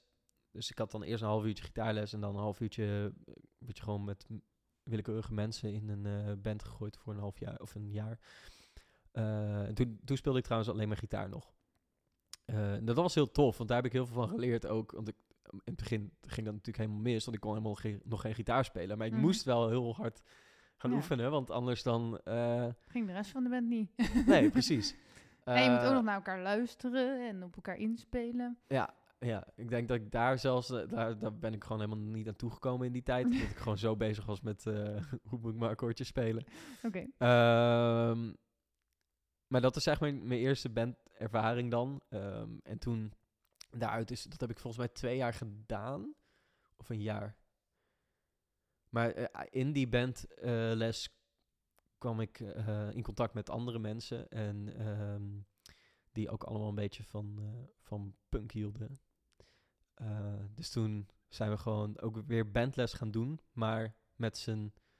eh, maar met een eigen band eigenlijk. En dat was echt mijn eerste echte band. Eh, die ik zelf dan heb gevormd met, met anderen. En daar zong ik af en toe ook in. Ja. En toen was ik denk ik dan 15, 16. Maar je had toen eigenlijk wel het idee van ik word een grote popster of zo. Of was meer een Ja, die jongensdroom zat er altijd, altijd wel in. Maar Ja. Ja, ik had het zeg maar vanaf mijn achtste of zo, dat ik echt dacht van eh, later. Dan werd ik bijvoorbeeld gepest op school. En dan zei, Mhm. dacht ik altijd, ja, maar later als ik beroemd ben, dan ga jij mij niet meer pesten. Dan ben je jaloers op mij. ja, ik, ik heb nooit echt per se dat ik, dat ik heel erg eh, se, eh, beroemd wilde worden. Oké. Ehm, is nog steeds niet dat ik denk van, oh, ik wil echt nee? een wereldster zijn. Nooit echt ook. Ja, tuurlijk heb je de- die gedachten vlo vlogen echt wel in mijn hoofd rond toen ik net in een band zat. Maar, Ja. ehm, maar wat ik wel, ik, dat vind ik heel grappig. Dat ik, was een rela- realisatie die ik, die ik pas dit jaar had. Is van, ik, ik had altijd een beetje dat ik dacht van, eh, ik, het is een beetje gek dat ik in een punkband zit. Want ik ben over het algemeen zeg maar, een redelijk rustig iemand. Ehm, mensen verwachten dat niet helemaal. En ik denk ook dat juist doordat mensen dat uitspraken van... Oh, dat had ik niet verwacht. Dat ik juist ook van... Oh ja, dit past eigenlijk niet bij mij. Eh, maar ik vind het wel gewoon heel tof... om een leadzanger in een punkband te zijn... En, en tijdens een optreden me echt alles te geven... en die knop om te zetten. Maar ik had dus dit jaar eigenlijk die reali- realisatie van... Ja, maar stiekem... Ik, tuurlijk ben ik iemand die altijd op de achtergrond zit... maar stiekem, als Mhm. dan de kans er was...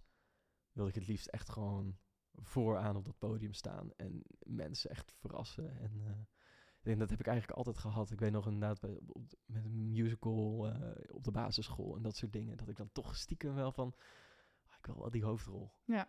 En dat, eh, ja, maar dat, dat heb ik nog heel lang dus niet, niet, niet zo bij stilgestaan. Toen bedacht ik me dat opeens van, ja, eigenlijk zat het er altijd wel in. Maar waarom dan niet wereldberoemd, zeg maar? De, tot hoe ver wel? Nou, ik, daar ben ik gewoon eigenlijk, ik ben er gewoon niet zo mee bezig of zo. maar Ik je hebt toch wel veel meer- Ja? veel meer van, eh, ja, we zien wel waar het landt. En eh, ik, ben, ik ben veel meer bezig met, nou ja, als er maar progressie in zit.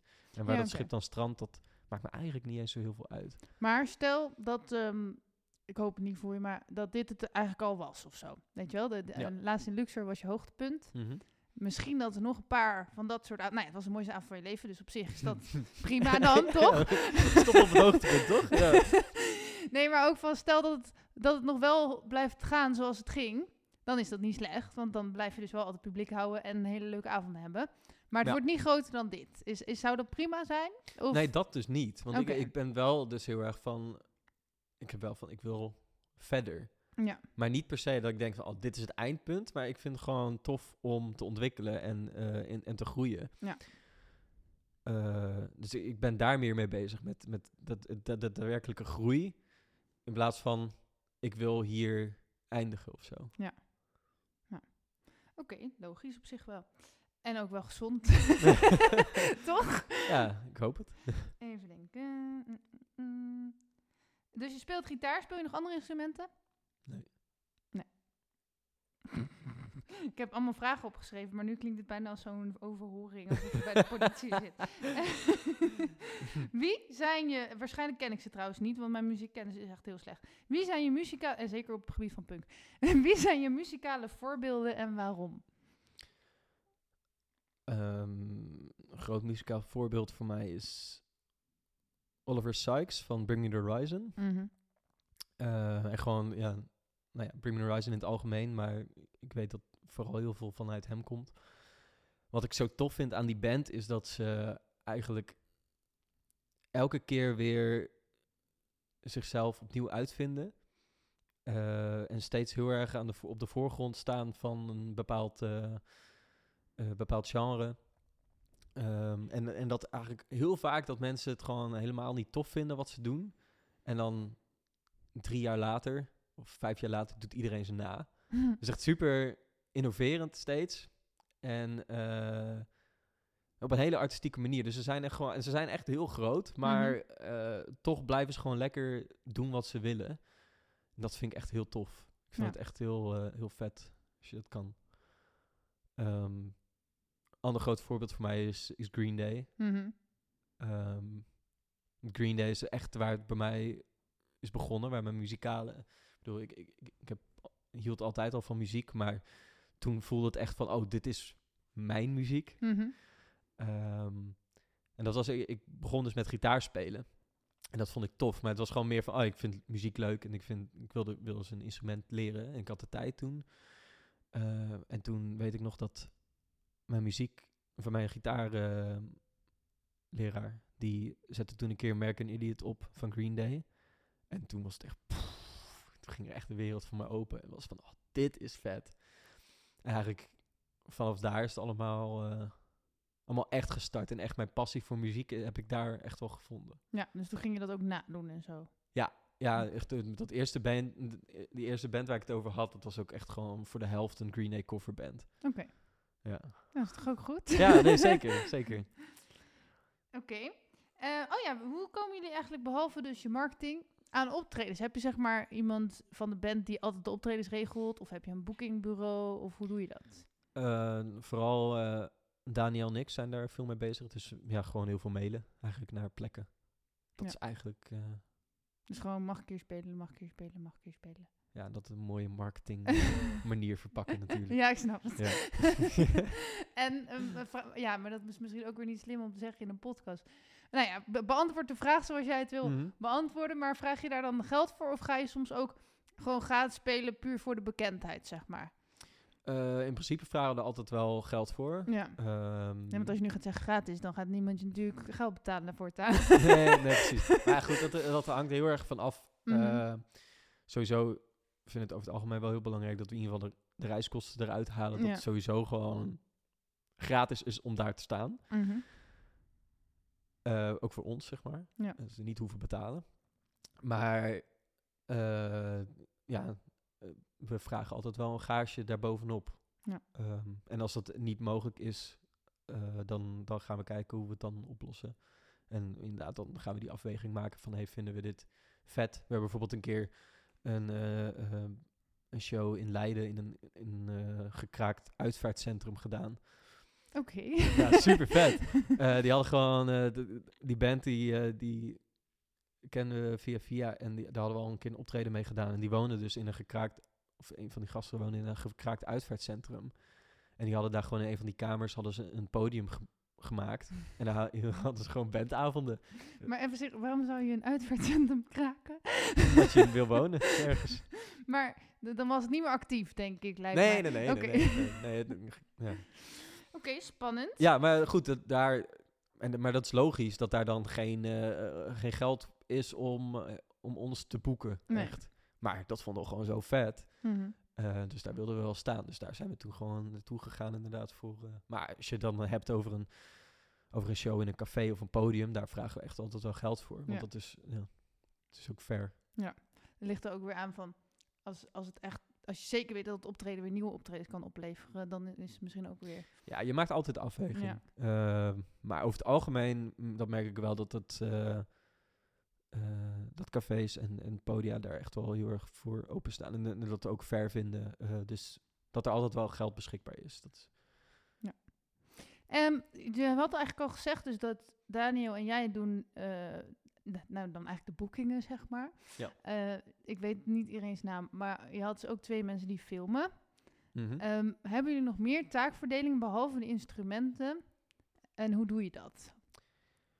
Eh, ja, bijvoorbeeld Joep, eh, de drummer, die, die schrijft heel veel. Ook liedjes. Ja, dus die, die Oh, is vooral instrumentaal dan. Oh. Ehm, dus die komt daar heel veel mee. Ehm, ja, wat nog meer? Ik doe, eh, ik doe wel veel social media. Maar zijn die dingen gewoon... Want kijk, nu vraag ik het jou. Mhm. Maar ging je van tevoren een soort van plan maken van... jij doet dit en jij dat? Of is dit gewoon van nature zo ontstaan? Het is best wel organisch ontstaan Ja. eigenlijk. Eh, zeker van ja, weet je, Daniel en ik die, die kunnen bijvoorbeeld dan gewoon eh, goed mailen. We weten hoe we dat moeten opschrijven. Dus dat, ja, dat is dan automatisch komt dat een beetje. Joep die heeft gewoon heel veel eh, passie om, eh, om veel te schrijven. Dus die doet dat dan gewoon heel veel. Mhm. En het is, dat is het ook, eh, ligt ook heel erg aan hoeveel tijd iedereen heeft. Want we ehm, oefenen twee keer in de week. Dus dat is al best wel, twee avonden is al, al best wel wat. Ja. Tijdsinvestering die iedereen dus al doet. En niet iedereen heeft daar gewoon ook dan de tijd daarnaast om, om heel veel dingen op te pakken. Ja. Dus daar, daar hangt het ook heel erg van af. Ik vind het wel knap, zeg maar, ja, dat je met zoveel mensen, dat zijn er op zich maar vijf, maar tegelijkertijd vijf agenda's, dat je dan toch nog zover komt. Vind ik echt wel knap. Ja, Zeg maar, als ik met eh, vriendinnen wil afspreken voor één avondje, kan het soms al maanden duren voordat iedereen kan, zeg maar. Ja, maar ik denk dat vooral gewoon die routine die erin zit. Van ja, we, we repeteren gewoon op dinsdag en zondag. Dat Ja. is gewoon zo. Ja. Voor de rest, ja, dingen moeten gewoon gebeuren. En wat je, ja, maar dat is denk ik overal zo en altijd zo. Dan, je hebt wel steeds het gevoel dat je achter de feiten aanloopt. Omdat Ja. gewoon niet iedereen kan investeren wat hij wil investeren. Weet je, in een, eh, in een perfecte situatie konden we gewoon eh, allemaal fulltime lekker hiermee bezig zijn. Ja. Maar dat is gewoon niet zo. Nee. En, eh, en dat, is, dat blijft gewoon de balans zoeken en, en aftasten van hey, hoeveel tijd wil je investeren en hoeveel tijd kan je investeren. En dat is, dat, soms moet je daar dan ook heel erg keuzes in maken. Mhm. En ik- iedereen heeft er heeft veel passie ervoor en, en, en enthousiasme en wil graag. eh, maar niet alles lukt omdat er gewoon niet de tijd voor is. Nou, maar het is wel echt mooi dat je dus zoveel gepassioneerde mensen bij elkaar, want dat kan Ja. ook anders zijn. En ik denk als je het wel voelt en moet, zelfs dan heb je tijdskort, want dan ga je weer meer doen. En dan Ja. krijg je ook weer dubbel zoveel terug wat je weer terug moet doen. Ja, precies. dus dat is gewoon, ik denk dat dat gewoon altijd zo is. Dat je, je moet dingen laten varen die je eigenlijk wil gaan doen. Ja. Ehm, en het belangrijkste is gewoon focus op de, op de basis. En dat, die, eh, dat dat maar goed zit. Dus bijvoorbeeld repeteren, ehm, dat dat er gewoon lekker in blijft. En shows Mhm. fixen. Ja. Want als je geen shows fixt, dan sta je nergens, ja. Nou ja, dan kan je thuis En, oefenen. en, num- en nummers schrijven. Ja, weet je, Ja. als je dat nooit doet, als dat niet gebeurt binnen de moment, ja, dan, dan sta je ook stil. En ehm, even denken, ik had net een vraag, maar ik ben weer vergeten. Ik word een beetje dement volgens mij. En, maar eh, heb je nog tips voor opkomende muzikanten? Als je nu zo naar jezelf luistert, dat je denkt van, nou, dit heb ik nog niet gezegd, maar als iemand dan luistert, dit moet je doen. Kom naar sterrenstof. ja, dat is sowieso toch? Ja. Ja. ja. Oké, eh, ik zit even te denken. We hebben nog. Oké, ik had nog allemaal vragen over je studie, maar die ga ik denk maar even overslaan. Tenzij je heel graag iets over je studie wil zeggen. Ik weet niet wat, voor de, wat je voor de rest nog wil vragen. Ik eh, ga naar de spirituele vragen. Spannend. Waar geloof jij in? In mezelf. Mhm. Klinkt het nu heel egoïstisch? Nee, ik denk dat heel veel mensen dat als antwoord hebben. Eh, ja, wil je het nog toelichten of zou ik er al mijn mening over geven?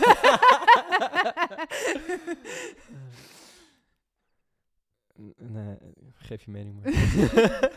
nee, ik heb geen mening. Maar ik ben dus de laatste jaren heel veel, of dat is gewoon mijn passie, zeg maar, heel veel bezig met spiritualiteit en, en Ja. filosofie en dat Ja. soort dingen.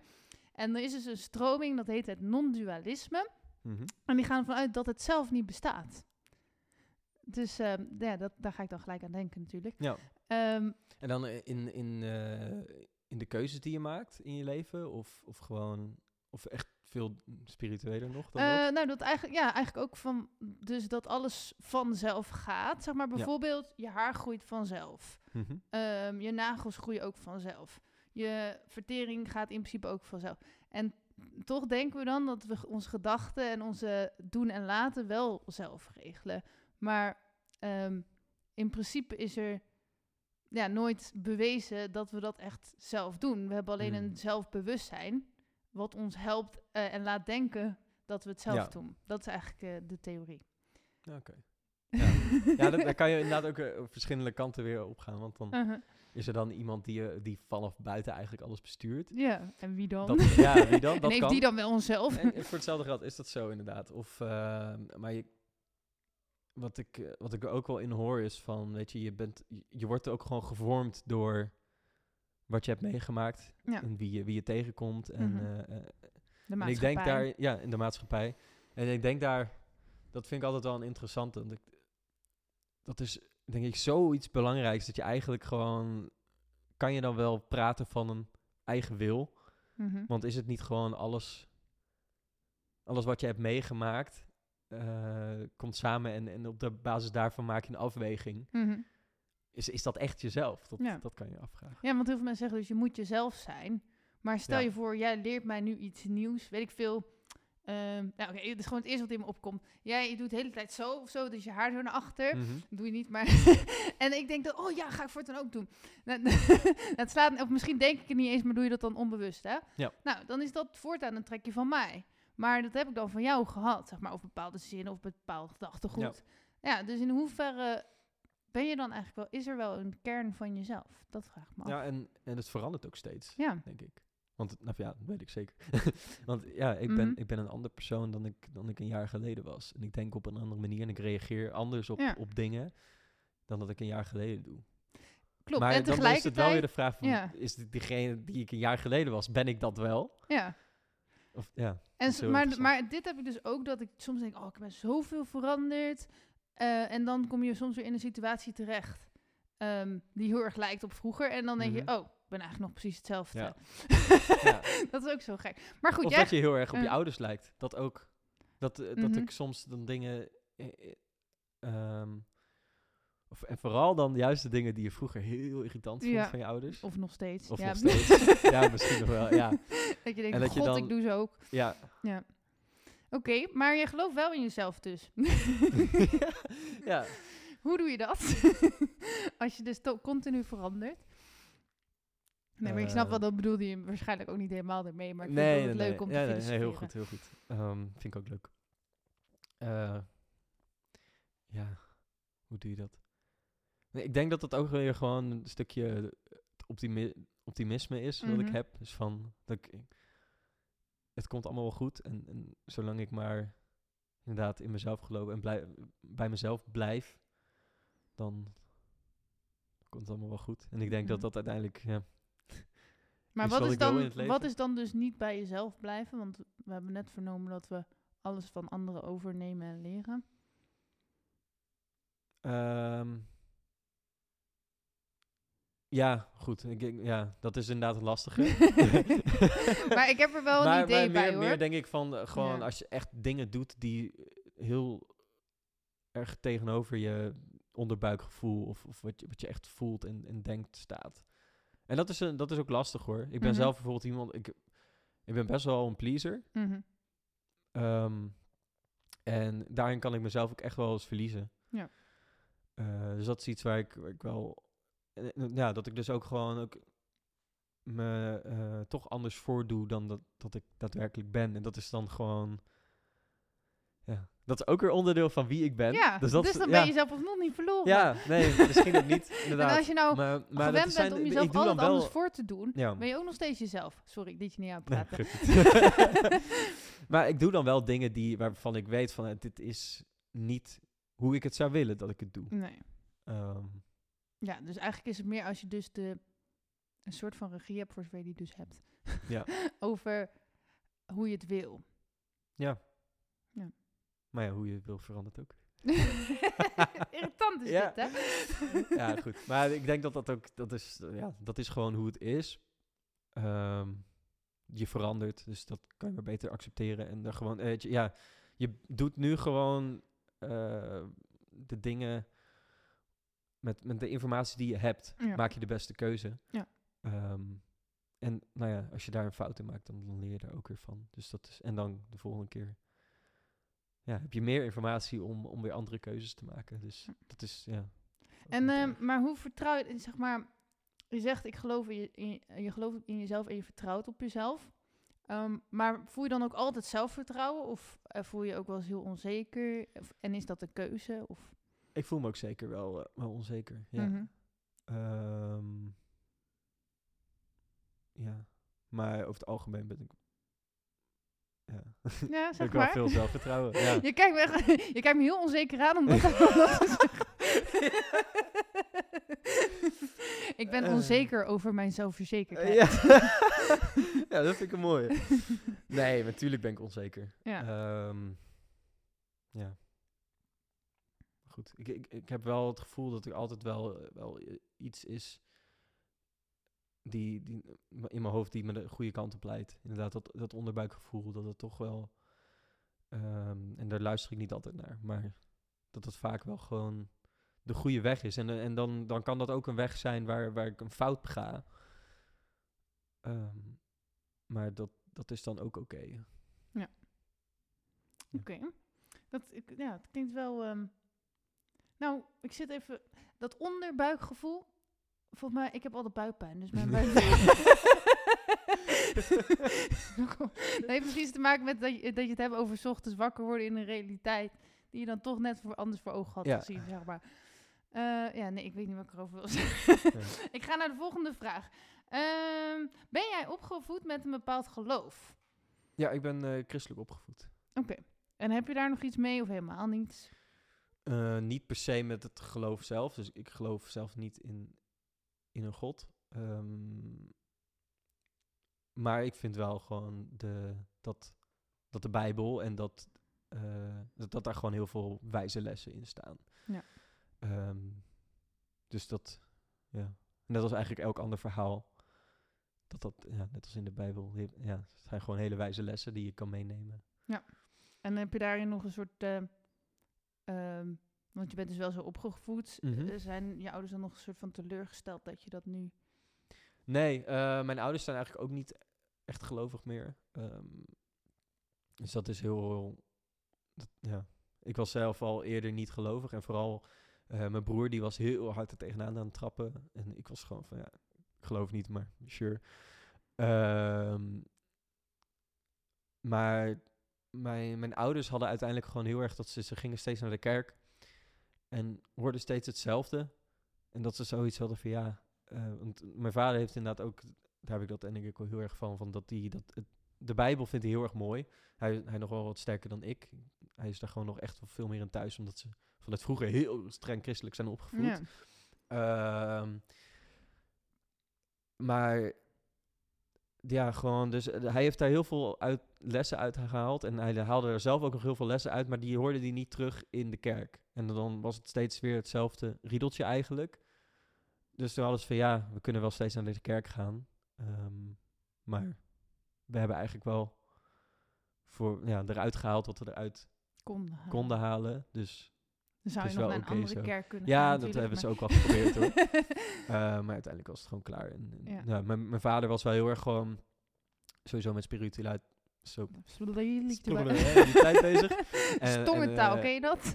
dat is ook uit de Bijbel. Oh ja, ja. ja, en heel erg, eh, heel erg met filosofie bezig. Mhm. Dus hij had ook gewoon heel veel andere plekken waar hij waar die dat, waar die lessen uit leerde. Ja. Dus het was niet alleen maar de Bijbel.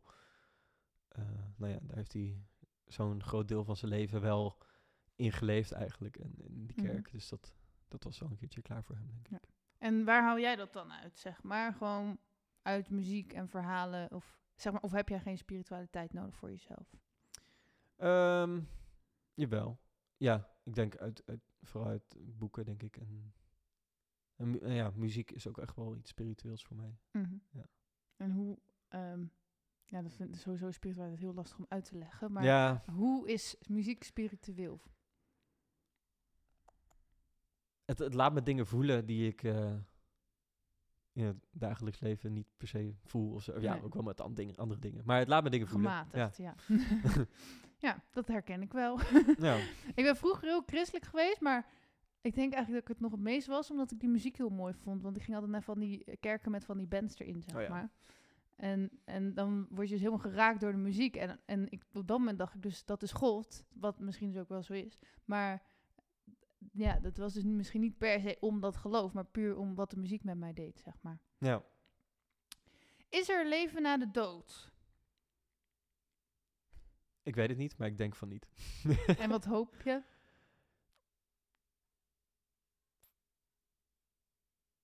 Ik ben er niet mee bezig. ben je ook nooit bang van dat je misschien een keer dood zou gaan en wat er dan gebeurt? Of Nee, eigenlijk niet. ook nooit gehad? Nee. Oh, ben ik wel jaloers op. ik had echt in mijn puberteit was ik de hele dag bang dat ik dood zou gaan. En dat ik dan op een verkeerde plek terecht zou komen of zo. ja, dan kun je, de angst voor de dood is dat voor veel mensen iets, maar voor, ja, ik heb daar niet, dat nooit echt gevoeld of zo. Ja, en dat, dat, dat ligt ook wel nu, nu best wel in lijn met hoe ik in het, in het leven sta, zeg maar. Gewoon ook de, de bewust van zijn dat er een einde is, Mhm. zorgt er voor mij voor dat ik dingen doe, ik nu doe die ik wil doen, zeg Ja. maar. Dat, dat helpt mij daar echt wel in. Maar stel, ik hoop niet voor je, maar je hoort opeens dat je nog maar, weet ik veel, een paar weken te leven hebt of zo. Zou je dan niet bang worden voor de dood? Ja, ik denk dat dat dan wel echt een ander verhaal is. Dus Ja. ik zeg ook niet dat, eh, dat ik... Oh, ik, laat maar komen. Ehm, zeker niet. Nee, Eh, nee dus, dus ja, er zijn echt nog heel veel dingen die ik wil doen. Dus dat, dat zou, daar zou ik wel eh, zeker heel erg van schrikken. Ja. ja, maar dat is dan Ehm, meer omdat je die dingen dan niet meer kan doen. Maar niet om wat ja, er dan maar gebeurt. dat, ja, nee, nee, nee. Dus ik, dat, ik denk dat... Ja, daar maak ik me echt geen zorgen om. Van Oh. als het dan nou eenmaal is...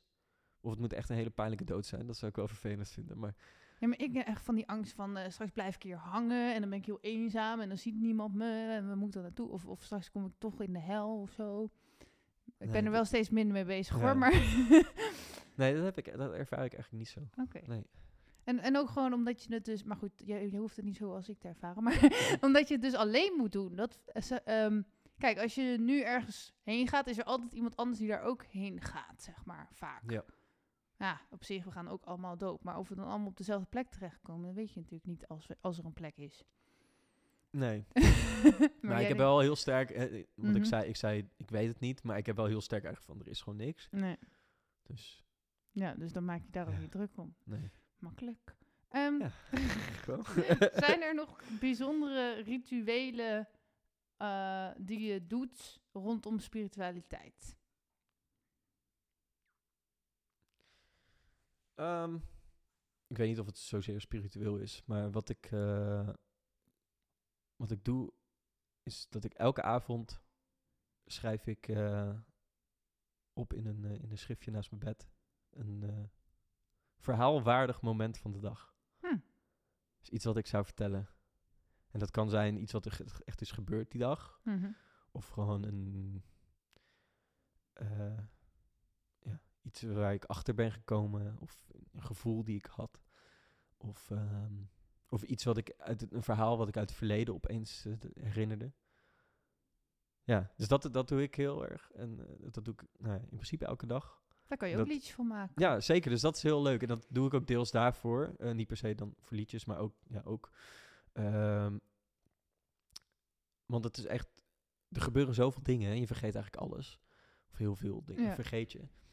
Ehm, en wat ik merk is door dat op te schrijven. En dan soms dan blader ik terug. En ik kan gewoon elk moment. En, en ook al is het echt maar een zin wat ik heb opgeschreven. Elk moment kan ik gewoon precies weer voor me zien en voor me halen. Ook hoe ik me voelde. En dat is dat vind ik zoiets krachtigs en zoiets moois. Mhm. En ik ben, nou ja, ik, ik hou van verhalen. Ik ben ook een schrijver, zei, zei ik aan het begin van de Mhm. podcast. Dat is gewoon wel, eh, ja, dat, en dus dat vind ik heel mooi. En dat, ik vind het heel mooi dat ik een manier heb gevonden, dus op deze manier. En dat, dat heb ik uit het boek eh, Storyworthy. Ik ben even de auteur vergeten.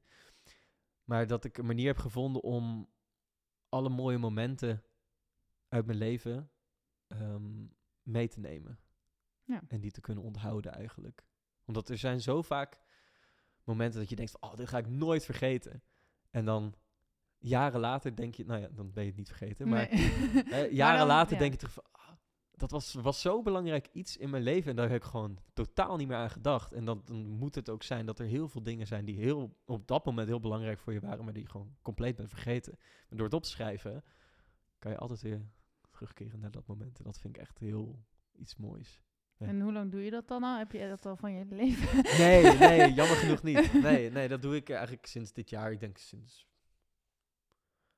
mei of zo. Ah, wel tof. Ja.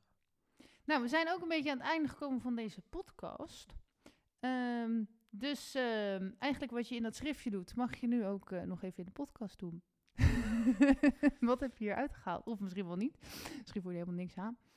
Uit, eh, van deze podcast? Ja. Oh, eh, wat heb ik hier uitgehaald? Ik, ik vond het heel tof om, om een keer eens eh, heel erg over mezelf te praten. ik, ben, ik ben echt een luisteraar. Ja. Ik luister heel veel naar mensen en dat, dat vind ik heel tof. Ehm, dus dit was er gewoon even een heel andere ervaring om echt een keer eh, mijn verhaal te delen of zo. Terwijl, ja, dat doe ik wel op, op, door mijn muziek en dat soort dingen. Mhm. Maar omdat op zo'n manier, ja, het is de eerste, eerste keer dat ik in een podcast zit en nou ja, het gaat dan deels over mij. Dus dat, Mhm. Deels. nou, vooral hoor. Ja. ja. dus dat vind ik heel, eh, ja, vind ik heel leuk hoe dat, ja, om dat een keer te ervaren eigenlijk. Op zo'n manier. Cool. Ja. Waar kunnen mensen je vinden als ze jou nodig hebben of nog meer van je willen weten? Eh, ik denk dat eh best eh, op mijn Instagram, Jorrit Oppendijk. En daar staat alles wel. Kan je ook mijn band vinden. En Echobijders de band. En Sterrenstof en dan Strand en alles. Mhm. En waar hoop je dat mensen je voor gaan vragen? Voor eh, tips hoe ze verder komen in de muzikale carrière. daar deel ik heel graag dingen over. Cool. Ja. Ik ga het eh, eindmuziekje aanzetten zo. Yes. En ehm, ik weet niet of je, hoeveel podcasts je van mij hebt geluisterd tot het eind. Want ze zijn nogal lang. Maar eh, ik heb nu dus als ehm, traditie, sinds een paar Mhm. weken, dat je dan dus ook nog een soort quote mag zeggen of zo. En dan, sommige mensen worden dan heel zenuwachtig. Hm. Maar ook al zeg je iets heel raars of stoms of heeft er helemaal niks mee te maken, maakt niet uit. Het eh, gaat om dat je nog iets zegt. Oké. Muziekje komt zo aan.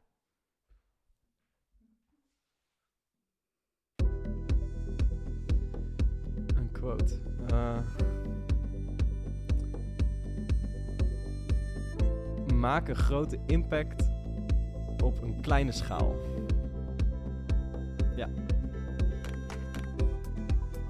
Meer weten?